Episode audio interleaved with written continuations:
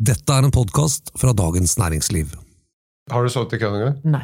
Det tidligste jeg har vært, tror jeg var halv fem en gang. Er det noen damer der? Veldig sjelden. Kanskje siste natt er det ei, eller noe sånt. Det kan vel være en og annen au pair, da? Har du vurdert å sende au pairen? Nei, overhodet ikke. Hei og hjertelig velkommen til denne ukens podkast fra Dagens Næringsliv. Mitt navn det er Thomas Giertsen, og velkommen til deg, Madame Bo. Madame? Har du, har du blitt kalt Madame Bo før? Eh, Nei, aldri. Aldri? Hva, hva, hva, hvordan sier de bø på fransk? De sier bo, men de sier veldig stort sett mademoiselle. Du er aldri Og eh, ganske ofte monsieur. Monsieur? Ja, Når de sånn- ser deg? Nei. Nei, heldigvis ikke da. Men i forkant. Og uh, det, altså det er stort sett jeg som bestiller, sant? for det er stort sett på jobb, og da har jeg bestilt, og, og sånn. Og da når jeg får nøkkelkortet på hotellet, eller bestillingen, eller alt, så står det 'monsieur'. De hører deg ringe og bestille, og så tenker de ja, ja, det kan ikke ha vært en dame. Det er en mann med pipestemme som kommer i dag. Monsieur Bø! Du, jeg har gledet meg veldig til denne episoden. Eh, Vi skal snakke om burgundslippet, men bare aller først før vi begynner, eh, en ting som vi må snakke om. Fordi jeg så en artikkel i Forbes at Norge er kåret til verdens verste kjøkken. Så du det? Jeg så det. Hva tenker du om den bunnoteringen? Er vi verdens verste kjøkken? Jeg synes det var litt Uh... Unnskyld at jeg avbryter deg, men husk på alle land vi kommer bak, da. Ja, det er ganske mange. Så Hvor mange ganger har ikke nordmenn sittet her og sagt sånn Vi gidder ikke dra til ditt eller datt land for det er så dårlig mat der. Det har ikke vi noe rett til å si. Alle tenker at vi er de verste. Jeg ble litt sånn Hva er grunnlaget for dette her? Hvorfor sier de sånn? Eh, Hvem har gjort den vurderingen?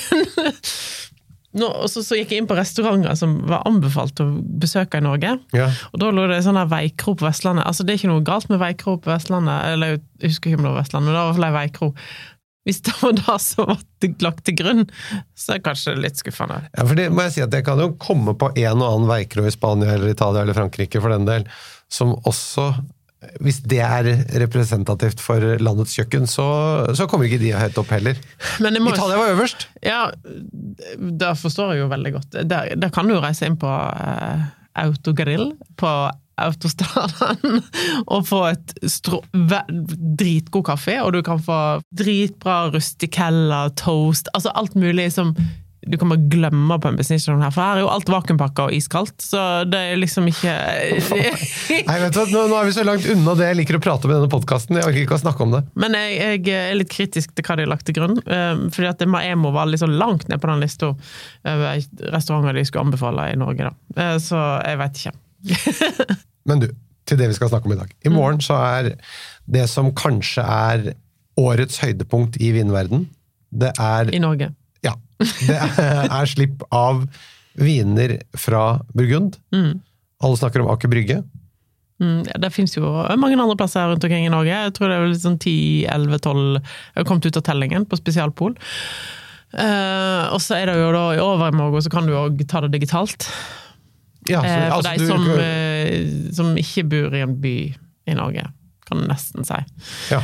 Eh, og så har en- altså Aker Brygge får den største, største allokeringen. Eh, men det er jo der det er mest folk òg. Eh, så er det jo Skøyen. Eh, og så er det jo Hamar, Sandefjord, Sandnes, Bergen, Trondheim. Ja. Du, vi, vi tar dette litt eh, grunnleggende, eh, siden du kan dette så godt. Eh, fordi eh, det er jo viner fra Burgund tilgjengelig hele året, så bare hva er slipp? Polet har en sånn spesialavdeling eh, som eh, tar sånne viner som ikke er så nødvendigvis er lett tilgjengelig hele året, og konsentrerer de jo, og så slipper de det på ett slipp. Burgundslippet har alltid vært i februar, av en eller annen merkelig grunn, for det er det som skaper mest kø. og jeg tenker det er litt sånn Nesten litt sånn ondskapsfullt av Vinmonopolet å ha det. Kunne jo hatt det i juni, kunne jo hatt en hyggelig greie. Kunne blitt en liten festival nede på Aker Brygge der, eh, i stedet for at du skal sitte der i sovepose. Da hadde det vært litt annerledes. Da kunne det vært eh, litt mer sånn eh, hva Tatt skal en vi si? liten grill. Gitar og Ja, det hadde blitt litt sånn der et annet opplegg. øya. Ja, Eh, I stedet for nå så er det jo litt sånn tortur, tenker jeg. Eh, Men uh, greit, det er vel kanskje litt sånn De sitter det- og ler litt på Vinmonopolet, tenker jeg. men det er, litt, det er jo litt sånn derre Sitte ved løypa i femmila-stemning. Ja, ja, Bare at du gjør det i fire uker. Ja, det er akkurat det. Uh, nei, og så Det er jo òg slipp av Tyskland, champagne, Chablis, Italia, you name it. Eh, men Burgund er den som tiltrekker seg både mest, oppmerksomhet og mest folk og alt. Og det er jo fordi at eh, disse vinene har blitt veldig veldig kostbare, vanskelig å få tak i. Og eh, Norge er ganske, har ganske sånn snilt påslag. Hva er det som er så spesielt med Burgund som gjør at noen er villig til å bruke hele ferien sin, altså fire uker, ta ut ferien fra jobben, for å ligge i sovepose utenfor f.eks. Vinmonopolet på Aker Brygge? Det er penger. Hvis du da er, er så heldig å få tak i en av de gjeveste flaskene, dyreste flaskene, som koster da på polet 60 000 ish, alt etter årgang, eh, så er da prisen ute i verden eh, 200 Mellom 220 og 270-80. Ja. Du kan ta og gå inn på Vinmonopolet, kjøpe den flasken for 65 000 kroner sånn cirka, og så kan du dra rett opp på Gardermoen, sette deg på flyet til London, og så kan du selge den flaska eh, på auksjon i London for 250 000 pluss. ja altså minus salær og sånn. Men da, Ja. ja. eh, da kan du. I teorien. Men det er jo litt trist, da, fordi de, de vinene lages jo for at Folk skal drikke dem. Ja, ikke for å være et spekulasjonsobjekt. Og by the way, en liten hilsen til dere som nå har holdt ut i dager og uker utenfor et vinmonopol i sittestol og sovepose. Eh, hei til dere! Men hvorfor skjer det akkurat med disse vinene? Nei, det er fordi at de, lages veldig lite. Eh, Altså Romane Conti, da, som er den som alle ønsker seg, eh, hvis de har råd til det. 2000-3000 flasker som skal fordeles på hele verden. Når det blir sluppet i England på allokering, så er det jo samme pris, ikke sant? Men, eh, men her blir det da sluppet ut noen få flasker. Hvor mange årganger slipper de nå? Nå slipper de for Romane Conti 17, 18 og 19. Og Rousseau? Rousseau er òg 18, 19 og 20. Akkurat. Cool fact a crocodile can't stick out its tongue. Also, you can get health insurance for a month or just under a year in some states. United Healthcare short term insurance plans, underwritten by Golden Rule Insurance Company, offer flexible, budget friendly coverage for you. Learn more at uh1.com. At det er litt spesielt i år, er at eh, Vinmonopolet har holdt tilbake igjen et par produsenter fordi at de bare har hatt digitale spesialslipp. Sant? På- nå- på, på grunn av korona. Ja. Så har ikke det vært fysiske spesialslipp, og da syns jeg mm, Da ville de holde tilbake en sånn som Romani Conti og Rousseau og et par sånne produsenter. Men bare for å sette dette i sammenheng med vinverden for øvrig, da. Altså, det at det er eh, såpass høye priser på Burgund, er fordi at eh, toppkvalitets eh, burgunderne Det lages det mye færre flasker av enn f.eks. en toppkvalitetsvin fra Bordeaux. Eh, Ja, veldig mye. Et slott i Bordeaux lager 300 000 plasser. ja, og kanskje 500 000 flasker, og så lager et, eh, et domain, eh, som det heter i Burgund, lager kanskje 30 000-40 000 flasker, og veldig, veldig få av toppkuveen. Og det blir jo ikke mer heller, for vinmarkene er jo der de er. Du kan Ja. ikke utvide dem. Nei, og grunnen til at det har blitt sånn i Burgund, at hver produsent kontrollerer mindre landareal, da må vi tilbake igjen til Napoleons arvelov, må vi ikke det? Jo. Vi har jo faktisk aldri hatt en episode om rød burgund. Vet du hva, dette, dette må vi ta grundigere senere. Ja, men, men- poen- men- det enkle poenget for denne gang er at Napoleon mente at alle skulle arve likt, og da i søskenflokken. For vanligvis før Napoleon så var det odel, og dette var en av de fine tankene han hadde da. Eh, problemet er at det da ble veldig eh, indoktrinert i Burgund. Sånn at det, når det var en søsken, på begynnelsen av 1800-tallet, når det var en søskenflokk da som var åtte unger, ikke sant? og alle skulle arve en liten plott hver av vinmarken, så ble det jo veldig mange med samme etternavn i samme vinmark. Og veldig mange eiere av samme vinmark. Og det er det jo fortsatt, så det gjør også at det er forvirrende, så du kan fort tro at en Løflev er en Løflev, men det er jo flere, Mm. for eksempel, men det er flere produsenter som heter Løflev. Ja, og Så det da må du skille mellom, for eksempel da i dette tilfellet, skille mellom Domaine Løflev og Olivier Løflev. Oh yes. Alltid. Ja, så, så det å t- tro at du har etternavnet på produsenten, det er ofte ikke nok. Du må ha fornavn, og du må, du må nesten vite hva de dreiv med på privaten det året for å vite at de lagde virkelig god vin. Altså, når du skal kjøpe Burgund, dette har jeg sagt mange ganger før, beklager, gjentar meg sjøl, men det er det eneste som er viktig, er produsent, produsent, produsent. Men hvorfor skjedde ikke dette i Bordeaux, med vinmarkene? Nei, der var det veldig mye engelskmenn, og det ga faen. Ja, og det, det, det har rett og slett med at det ligger med sjøtilgang, mm. og hadde mye mer internasjonal Handel, handel. handel, ja. Det har blitt Ja. øh, kjøpt og solgt Ja, øh, land der på en annen måte. Ja. Før den franske revolusjonen så var det jo adelen og kirka veldig mye som eide eh, vinmarken i Burgund, og så ble de solgt, eller konfiskert, og eh, solgt ut til bøndene. og da, Så de var jo ganske ferske landeiere, ikke sant? Mer om dette senere, fordi som du sa, øh, det er en liten dårlig samvittighet vi har, men vi har rett og slett ikke hatt en episode om røde burgundere. Eller Vi har jo snakket om Rød Burgund hundrevis av ganger, men vi har ikke laga en dedikert episode til det. Og det er litt for at jeg har litt sånn ærefrykt for Rød Burgunder, for det, det er liksom Hvor skal du begynne? Ja, men dette skal vi, dette skal Ja. vi ta. Vi skal, jeg skal leie deg gjennom det, ja, ja. øh, og vi skal greie det. Nå skal vi konsentrere oss om de gode kjøpene på dette slippet. Eh, vi har snakket om eh, mengden og hvor oppdelt det er i Burgund. Eh, klassifikasjonssystemet, det er ganske enkelt. Ja, det er delt inn i fire. Eh, Du har regional eh, klassifisering, altså Burgund Rouge, eller Bourgogne Rouge, Bourgogne Blad. Som kan da være druer fra hele regionen, Ja. eh, blanda sammen. Og så har du noen litt sånn ved siden av, da, sånn Hot Cotte Born og Hot Cotte Dui og, og sånn, da, som er liksom høy, høy, høytliggende vinmarker i Burgund. Men, men sånn, det er jo òg regional appellasjon. Da. Og så har du village-appellasjon, som er da landsbyer oppover hele Feil å kalle, kanskje kalle dalen, men hele regionen. Som da må komme fra eh, Druene må komme fra én enkel landsby. Ja. Men hvilken som helst vinmark i den kan blande. Ja. Eh, og så har du Premier Cru, som er sånn 500 og et eller annet Premier Cru vinmarke, som da står det vinmarksnavn på etiketten, i tillegg til landsbynavn. Så da står det eksempel hvis landsbyen er Volnay, står det Volnay, Premier Cru, og så navnet på vinmarken. Nettopp. For eksempel Le Carré. Ja. Det kan det hete der. Det kan hete det. Eller Taipied. Eller, ja. Og aller øverst i kvalitetshierarkiet kommer Grand Cru. I Grand Cru så står ikke eh, landsbyen på etiketten lenger. Da står det kun Grand Cru, for den er liksom opphøyd og viktigere enn en eh, landsbyen. Så da står det eksempel bare Grand Cru, Bon Mar, Grand Cru, Morachet, Grand Cru. Ja. Grand Cru er selvfølgelig veldig dyrt, men her er det òg litt sånn at uh, i en Grand Cru så kan det være oppi i 50 eiere eller 100 eiere på, det, på de største Grand Cruene, og der er det kanskje Altså eier hver sin lille parsell Ja. av den vinmarken. og alle tar ganske lik pris. Hvis det er en eh, bra Grand Cru, så kan alle vinene derfor koste 5000. Minimum opp til kanskje 10 000. Da. Eh, og det er kanskje bare én eller to som er verdt den prisen. Ja, nettopp. Så det er eh, skummelt. Det er skummelt. Så hold Så på lommeboka. Når du skal kjøpe Grand Cru, tenk igjennom hva du gjør. Altså virkelig.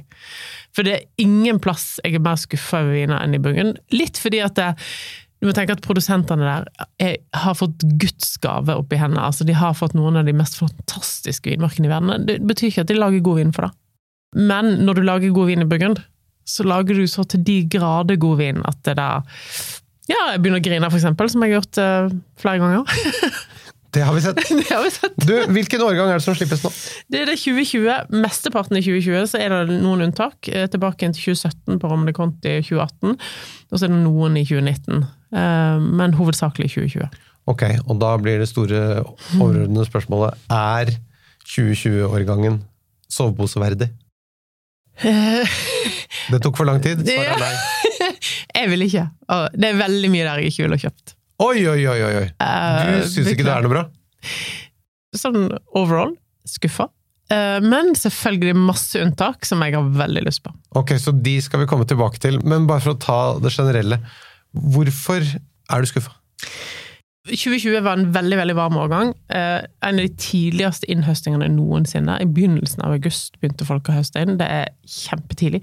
Nesten tidligere enn 2003. Um, Og 18 har vi også snakket om tidligere Ja. som varm årgang. Ja. Ligner dette på 18? nei, ikke helt. fordi at det, det som er unikt med 2020, er at den har utrolig bra syrestruktur. Nesten litt sånn når du smaker, tenker du hva skjedde her? liksom. Men kan de da ha syrejustert vinene? Ja, For det er jo lov. Det Betyr at man tilsetter har, Du har alle gjort det, liksom. Det er nesten ut, altså, Og det syns jeg er litt, litt utenkelig òg. Men uh, det er vanskelig å bevise med å bare sitte og smake, så det veit jeg ikke. Men en- en annen måte å få opp syren på, og er jo også å blokkere det som heter malolaktisk gjæring. Mm. Som, en gjæring som skjer etter den hovedalkoholfermenteringen. Og det er særlig vanlig, litt mer vanlig på de hvite. Eh, det var veldig mange som gjorde eksempel 2015-årgangen i, i Burgund, som eh, Pascal Clement, for eksempel, Ja, produsent, som ja. gjorde det med stort hell, egentlig. Ja, med veldig stort hell. Og det kan godt hende at noen har gjort det. For det var litt mer sånn ujevnt på de hvite. De beste hvite var helt fantastiske.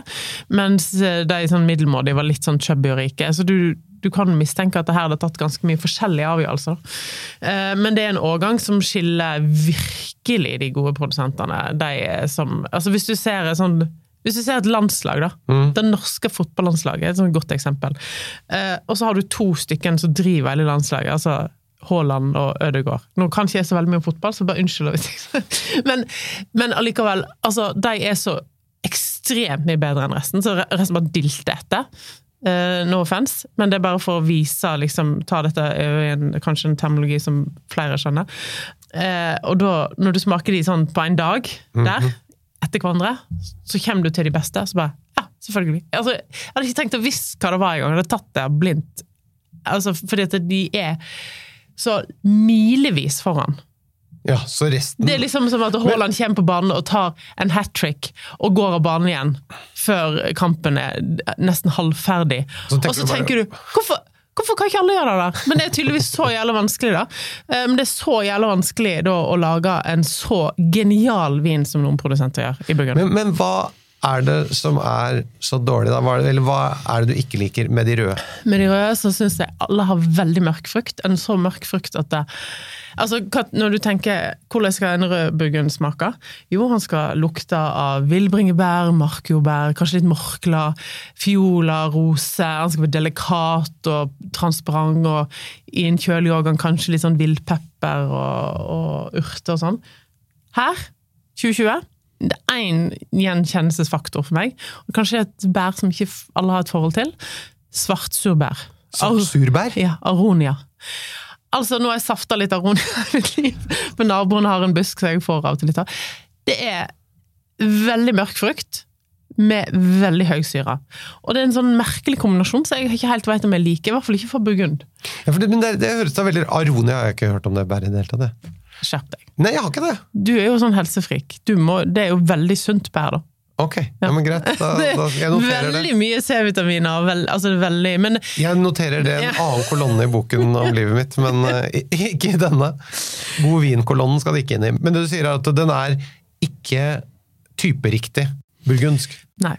Men tanninene er ganske snille. Det er høy syre. Liker syrestrukturen veldig godt.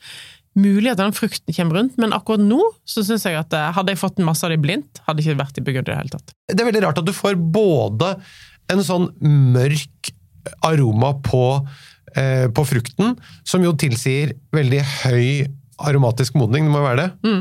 Eh, og så har du høy syre, som egentlig tilsier lav eller ikke overmodent, da. For den syren faller jo i modningsprosessen. Så dette er da veldig rart. Det er veldig rart. Var- jeg, Hvorfor har det blitt sånn? Det kan ha vært, for det var, ofte så har, hvis det er veldig bra vannreserver i jorden, Ja. altså hvis det regner for mye tidlig i tju- eller om vinteren, og sånn, så kan det ofte at det, hvis det er mye vann, at det kan bli bra syre. Men så må man også tenke at eh, hvis det er veldig varmt, da Altså hvis du, går, hvis du er i Syden, Ja. og du har svart genser på deg, Ja. Du, har du det litt varmere enn eh, han som går ved siden av i, i hvitt. Ja. Så hvis det er veldig varmt, og du har ei grønn drue, så blir den mindre påvirka av varmen enn ei mørke rød drue. Ja, nettopp. Så det, det, det er det som skjer med de hvite. Ja, at de litt De har ikke det så tøft som Altså Chardonnay har ikke det så tøft under varmen som eh, Men er de eh, Når en chardonnay blir veldig moden, så blir det jo mer tropisk frukt i aromaprofilen. Er disse tropiske Nei, de er ikke så tropiske. Noen litt, men eh, det var litt opp og ned. Men de beste super eh, syrefriske og flotte, altså. Så det, er- Chardonnay er mer imponert over enn pinot noir. Okay. Men på pinot-sida så merker en veldig godt med en gang det kommer til de beste, så aha, ok. Mm, her eh, Det er stor forskjell for produsent og produsent. Ok, Men hvis du skulle handle burgundere i morgen, hvilken strategi ville du hatt da? Prøv å holde deg til budsjettet. For du blir kanskje litt skuffet at du fikk ikke tak i akkurat den du ville ha, eller ikke bare kjøp noe annet for å ha kjøpt noe. Bare kjøp det du er helt sikker på Ja. er bra, alt annet lar du ligge. Ja. Det kommer jo flere årganger, og man skal ikke fylle hele kjelleren på én runde. Så her er det bare å hold your horses. Dette er jo opplagte ting, men vi blir komplett irrasjonelle i sånne sammenhenger, så her må vi rett og slett minne om helt sånne enkle basics. Eh, og det er litt Dette er note to self, det er sagt. Ja, jeg har mange ganger. Altså, sant? Og så blir det litt sånn, du går der med en kurv, og så uh, Noen som hadde ei flaske, vil du ha den? Fordi at noen hadde litt mye av den. og Det blir jo litt sånn bytting og trading akkurat inne på polet der òg. Så det er vanskelig å si nei, og vanskelig å ikke la seg uh, bli fanga i øyeblikket. Men dette er jo dyre viner. Fins det noen vinregion som har høyere snittpriser enn Burgund? Nei, ikke i dag. Det Det er ikke det? Nei. Nei. Så det, men det betyr også at uh, når da en god del er dårlig, så eh, tenk på det som et uh, lotteri. Og du, nå skal du få vite hva som er vinnerloddene her, kjære lytter. Så ikke kjøp de loddene som det ikke blir kake på. Slippet er stort, det er mange prisklasser. Jeg foreslår at vi anbefaler vin etter klassifikasjonssystemet, der du kommer med tips om de beste kjøpene fra de fire kategoriene, da distriktsviner, eh, og villasjviner, og Premier Cry og Grand Cry. Høres det ut som en god plan? Japp. Du tror kanskje dette er et eh, dumt spørsmål, men det er det ikke. Er det viner til under 250 kroner som du kan anbefale i dag? Nei. Det er ikke det, nei. Jeg tror ikke det er noen. Eh, Den billigste vinen jeg kan anbefale, kostet 400. Oi, oi, oi. Og det er egentlig en vin som er, egentlig burde kanskje koste 250, helt ærlig, men det gjør de aldri i Burgund. Men husk på det, kjære lytter, at i dag er også kaffe og smør mye dyrere enn det var for to uker siden. Ja, ja. Vi snakker altså om Burgundslippet 2023, der de slipper i hovedsak 2020-årgangen. Merete, du skal komme med anbefalinger på de vinene som er verdt å kjøpe, og de finner du i infoteksten til episoden. Da begynner vi med de hvite. Så hvilke Borgon-blader, altså regionsviner fra Burgund, burde man kjøpe, Merete? Du, jeg ville valgt uh, Le Flau. Any day, any time, any week. Domaine Le Flau? Domaine Le Flau sin Bourgogne Blad. Det kommer bare 60 flasker på polet, dessverre. Ok, men det er, det, Og da er det, er det også på sånn uh, kvotering? Ja. Så du får én flaske, ja. hvis du er heldig. Men den fins jo faktisk hyppig på restaurantkart. Ja. Men, men den var bra? Den er alltid bra. Nettopp, ja. Men, men og, og koster? Han koster 680 kroner. Oi! Det er ganske dyrt for en eh, Blad. Det får man si. Men når det er sagt, så, så, så smaker han jo, jeg vil si, bedre enn mange produsenter i Burgund sin Grand Cru. Oi, vi er der, ja. Det er brannfakkel. Ja, ja som passer. Men det er, ja, det er i hvert fall en hyggelig beskjed til de som sitter ute i, i kulda nå med, med koppholder og rennenese. Og, og som har brukt doen på McDonald's som bad de siste ukene. Du, eh, Da går vi videre til det som heter village, eller som norsk oversatt blir kommunevin. Høres litt uh, traurig ut med kommunevin. Ja, det gjør det, men i Burgund er det luksus. Ja. Jo, men Luksuskommune! Ok, så eh, hvis vi da snakker om hvite kommuneviner fra Burgund. Jeg var veldig happy med Chobard fra Merceau. Ok, Francois og Antoine Chaubard. Ja. Eh, sin, eh, sin Merceau, kommune Merceau, eh, var veldig sånn typeriktig, hadde litt sånn eh, rik, flott frukt og eh, Og ikke for høy alkohol. Nei, og veldig bra syrestruktur. Så, For det er jo en produsent som i hvert fall de gangene jeg har smakt, synes har vært skikkelig godt, med unntak av 18-årgangen, som jeg ikke var så veldig begeistret for. Er det riktig? Ja, det er helt rett. 2018 var ikke Da gjorde de Da var de på ferie. Jo, men man, alle kan ha et feilskjær. Ja, ja. Eh, Men her, Antoine eh, Jobard da, sin eh, Han koster jo rett under tusenlappen, så For en village! -hmm. Herregud. Ja, dette er dyrt, det er dyrt. Men du tenker at den er verdt prisen? Ja. Er det mange flasker an, eller? 60. Oi, oi, oi, oi. oi. Her, eh, dette er bare for de med campingstol. Ja, det er de som er fremst i køen, ja. Det er dessverre sånn. Ok. Eh, har du flere produsenter På Village-nivå? Nei. Du har ikke det? Ja, altså Lefleve. Men Lefleve går gjennom på alt, så da kan du bare liksom Ja, Ok, så alle Lefleve-viner som du kan få tak i, det tar du. det tar du. Nettopp. Eh, Men igjen, det er også bare til dere som har, eh, som har campingstol, som, eh, som er i posisjon til å vurdere det. Ja, Ellers er du veldig heldig å bo på Hamar eller et eller annet sånt, som det kanskje ikke er så lang kø. jeg vet ikke. Ja, men stort sett så er det for folk som, er, som har vært ute så lenge at de er røde på nesen. Ja. Da er det Premier crew-vinnene. Der var jeg veldig imponert over Hubert Lamy. Eller Olivier Lamy. Ja, altså, han heter Oliver Lamy, Ja, men, men, faren heter Hubert, og Ja. det står Hubert, Hubert Lamy.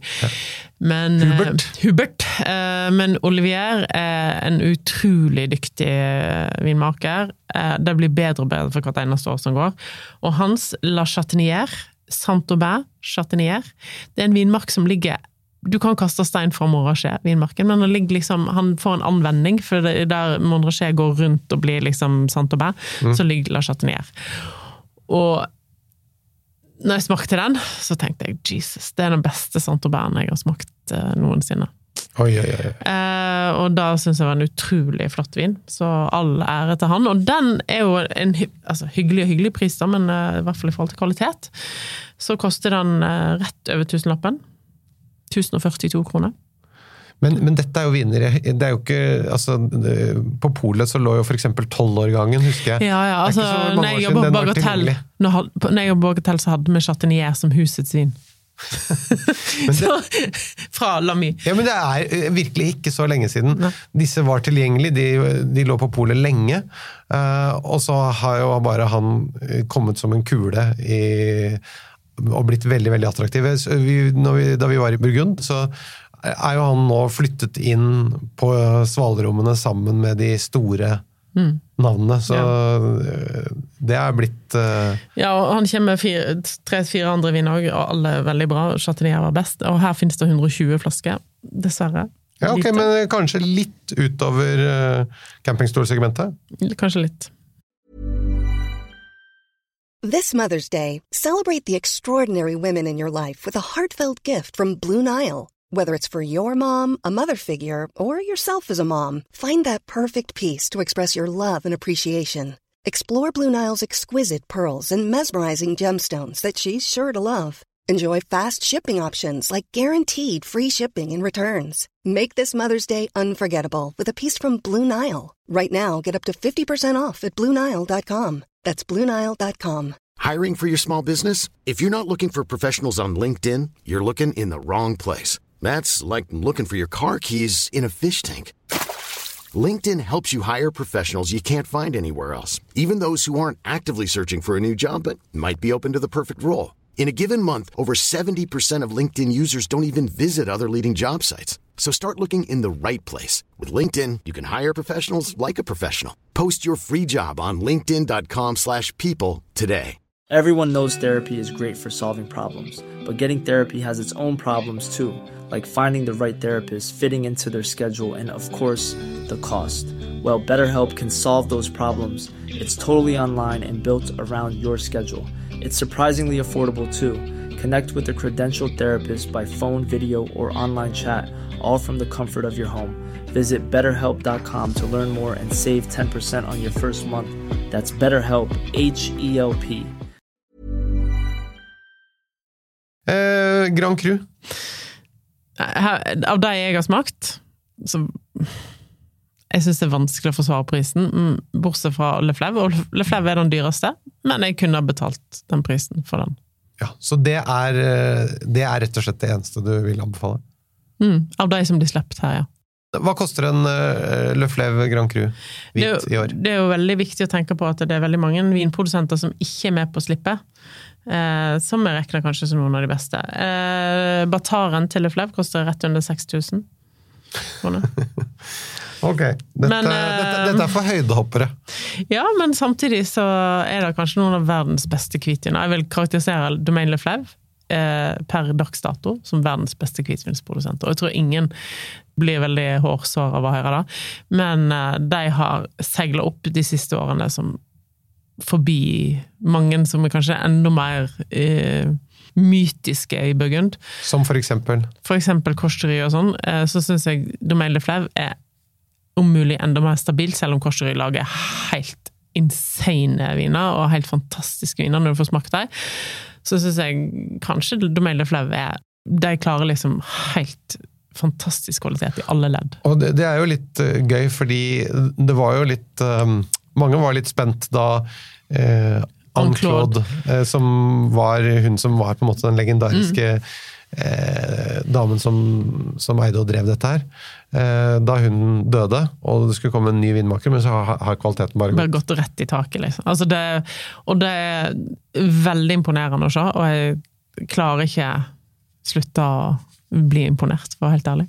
Og det er også viner som ikke kommer til å bli billigere, selv om de allerede er svindyre. De har blitt mye dyrere de siste årene, men de kommer å, kommer ikke til å gå ned i pris, da kan jeg love. Vi har nevnt det før.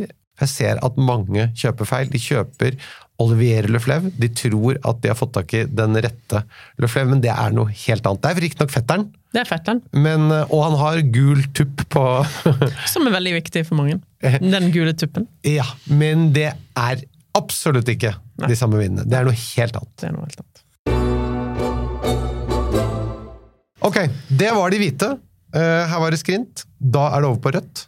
Så hvilke regionsvinner, altså Borgon Rouger, er det man bør Jeg ble imponert over én som eh, Selvfølgelig, Borgon Rouge her òg er jo fra gode produsenter eh, et godt kjøp alltid, men, men Chardot Ja. eh, En produsent som er litt sånn opp, opp, en, opp og ned, egentlig, men så glimrer de til av og til med sånn Så du bare tenker wow! Dette var jo grisegodt. Eh, og spesialbutikken til Vinmonopolet, som er deres litt sånn akilleshæl av og til når de kommer over sånne gode, i hvert fall rimelige kjøp, så tenker jeg at de får ikke lov å kjøpe inn mer enn 600 flasker av én vin. Det er liksom begrensningen deres. Altså sin egen begrensning? Ja. Så det er ikke, det er ikke Chardot som sier du får ikke lov eller det vet jeg ikke, da, men eh, de, de får ikke de, de, Uansett, så hvis, hvis Chardot hadde hatt 6000 flasker, så hadde de bare fått kjøpt 600. av seg selv. Ja. Fått lov av seg selv. Så, eh, men Chardot har da en Cotte Nuit, som heter Lavaux, og den koster 399. Og det er kanskje det billigste og beste kjøpet på polet. Det er 600 flasker. Det burde vært mange flere, for dette her er for alle de som syns at burgund er dyrt og har bare lyst på et par flasker, så er dette et godt kjøp. Ja.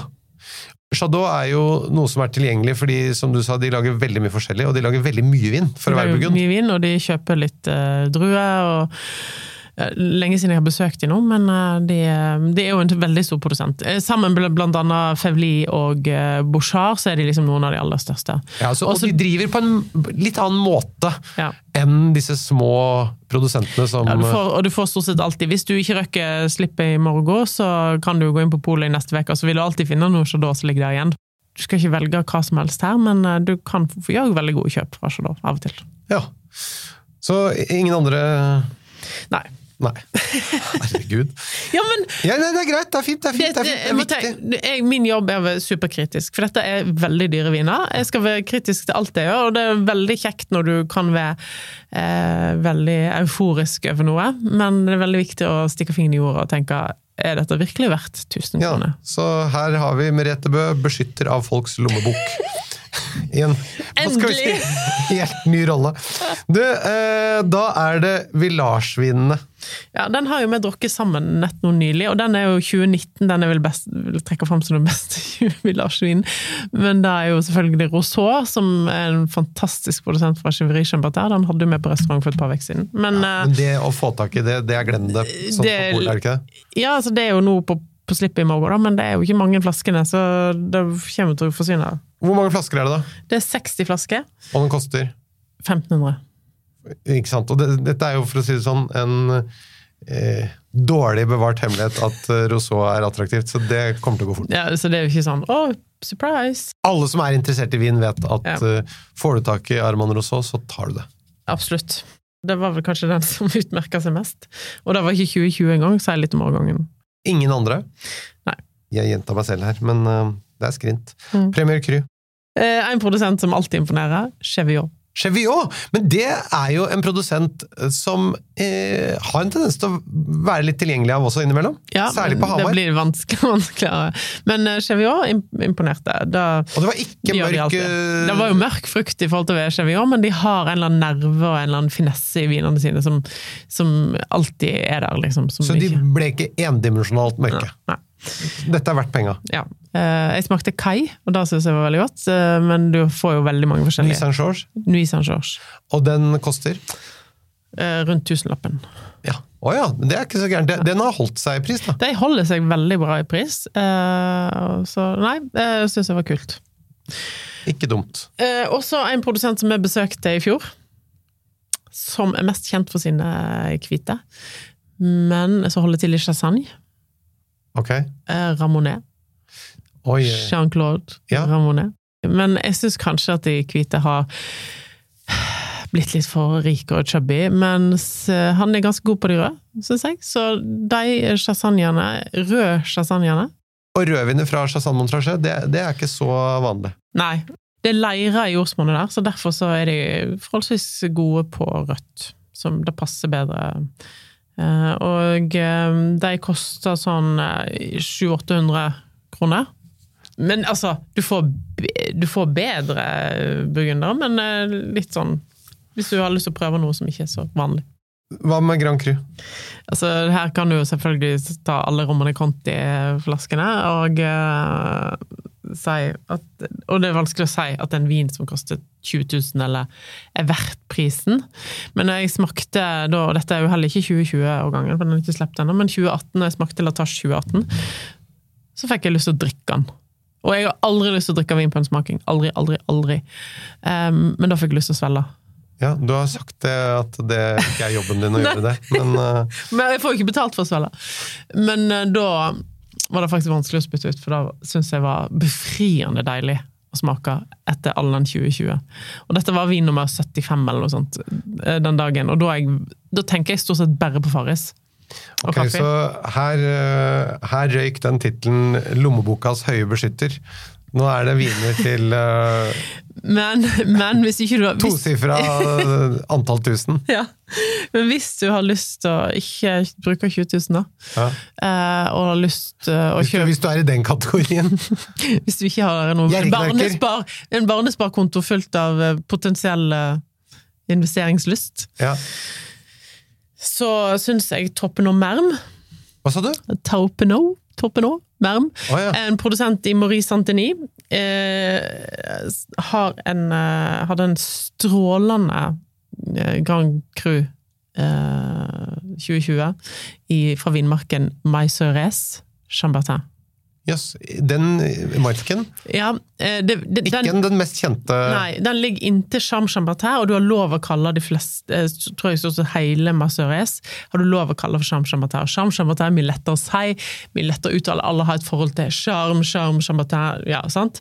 Uh, Masseures, vanskeligere å selge, men han lager en helt strålende Masseures, og særlig i 2020, og det var også en av de siste vinene jeg smakte, og ble sånn, wow. Det var, det var siste vinen jeg smakte. Eh, og den ble jeg eh, litt sånn feid av stolen. Som eh, er kjempemye penger, men dessverre en rimelig GC. Ja.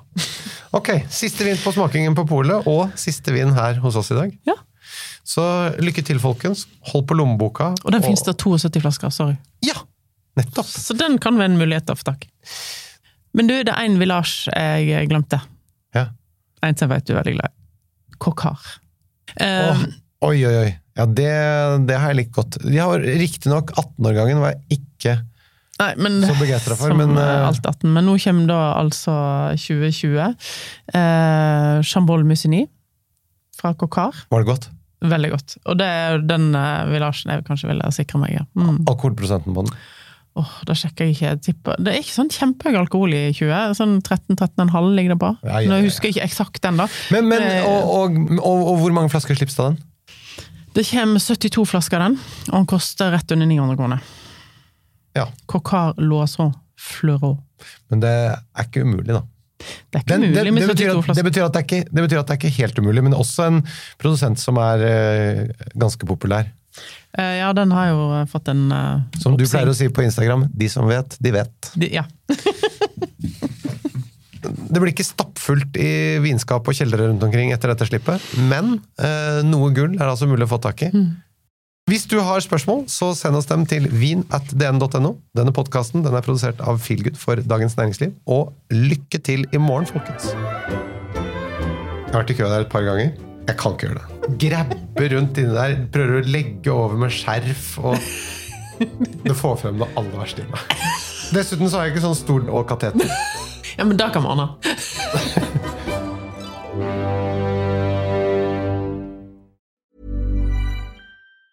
Hey, it's Danny Pellegrino from Everything Iconic.